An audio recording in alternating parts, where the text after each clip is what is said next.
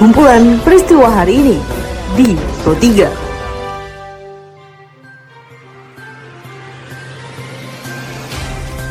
Halo pendengar, selamat berjumpa kembali di podcast Pro 3 RRI dengan kumpulan peristiwa yang terjadi pada hari ini. Seperti biasa, pendengar pada podcast ini saya akan mengulas isu-isu aktual yang masih hangat juga ramai diperbincangkan di sekitar kita. Tentu saja nanti akan saya hadirkan cuplikan informasi dari reporter kami. Saya Tika Nantia, inilah kumpulan peristiwa Pro 3 di ruang dengar Anda. Pendengar sebelum masuk ke dalam beberapa isu aktual yang akan saya hadirkan sesaat lagi, saya mengundang Anda terlebih dahulu untuk mampir ke laman berita kami di rri.co.id. Anda juga bisa tentunya follow dan berkomentar langsung di sosial media kami di Instagram, Twitter, juga Facebook dengan cara mengetik at RRI Programa 3 di kolom pencarian Anda. Pendengar Kementerian Pendidikan dan Kebudayaan diminta mengkaji kembali kebijakan pembukaan pembelajaran tatap muka pada Januari 2021. Hal itu dikarenakan semakin meningkatnya kasus COVID-19 di Indonesia khususnya di Jawa Tengah. Dilaporkan reporter kami Rini Hairani berikut pernyataan dari Gubernur Jawa Tengah Ganjar Pranowo.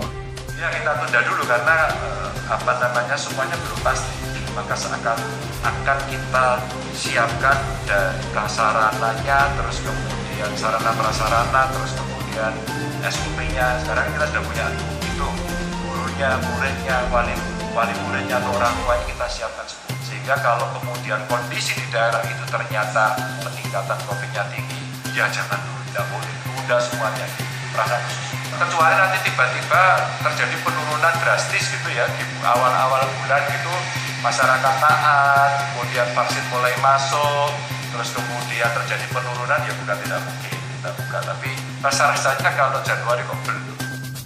Pendengar masih dalam kasus COVID-19 di Indonesia, khususnya dalam menjelang tahun baru 2021, tim gabungan di Bangkalan menggalakkan operasi justisi, baik siang dan malam hari bagi para pelanggar protokol kesehatan, langsung dilakukan rapid test di tempat Dilaporkan reporter kami Miftahul Omar, Kabak Opolres Bangkalan Imadi Yodiana menjelaskan. Operasi justisi tindak para pelanggar protokol kesehatan langsung kita adakan rapid test.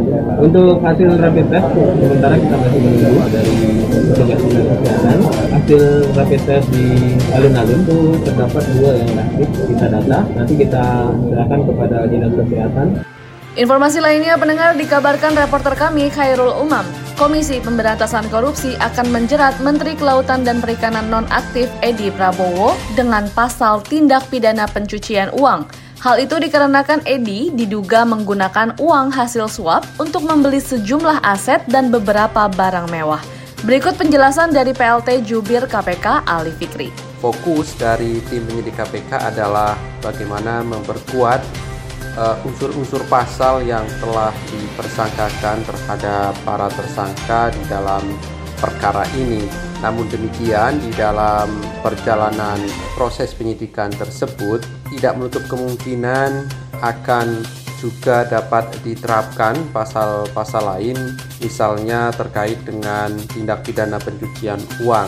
TPPU ini akan diterapkan apabila memang ada bukti permulaan yang cukup jadi tetap basisnya adalah alat bukti atau kecukupan alat bukti yang ada yang kemudian diperoleh oleh tim penyidik sehingga dapat disimpulkan dapat diterapkan eh, pasal-pasal uh, TPPU tersebut.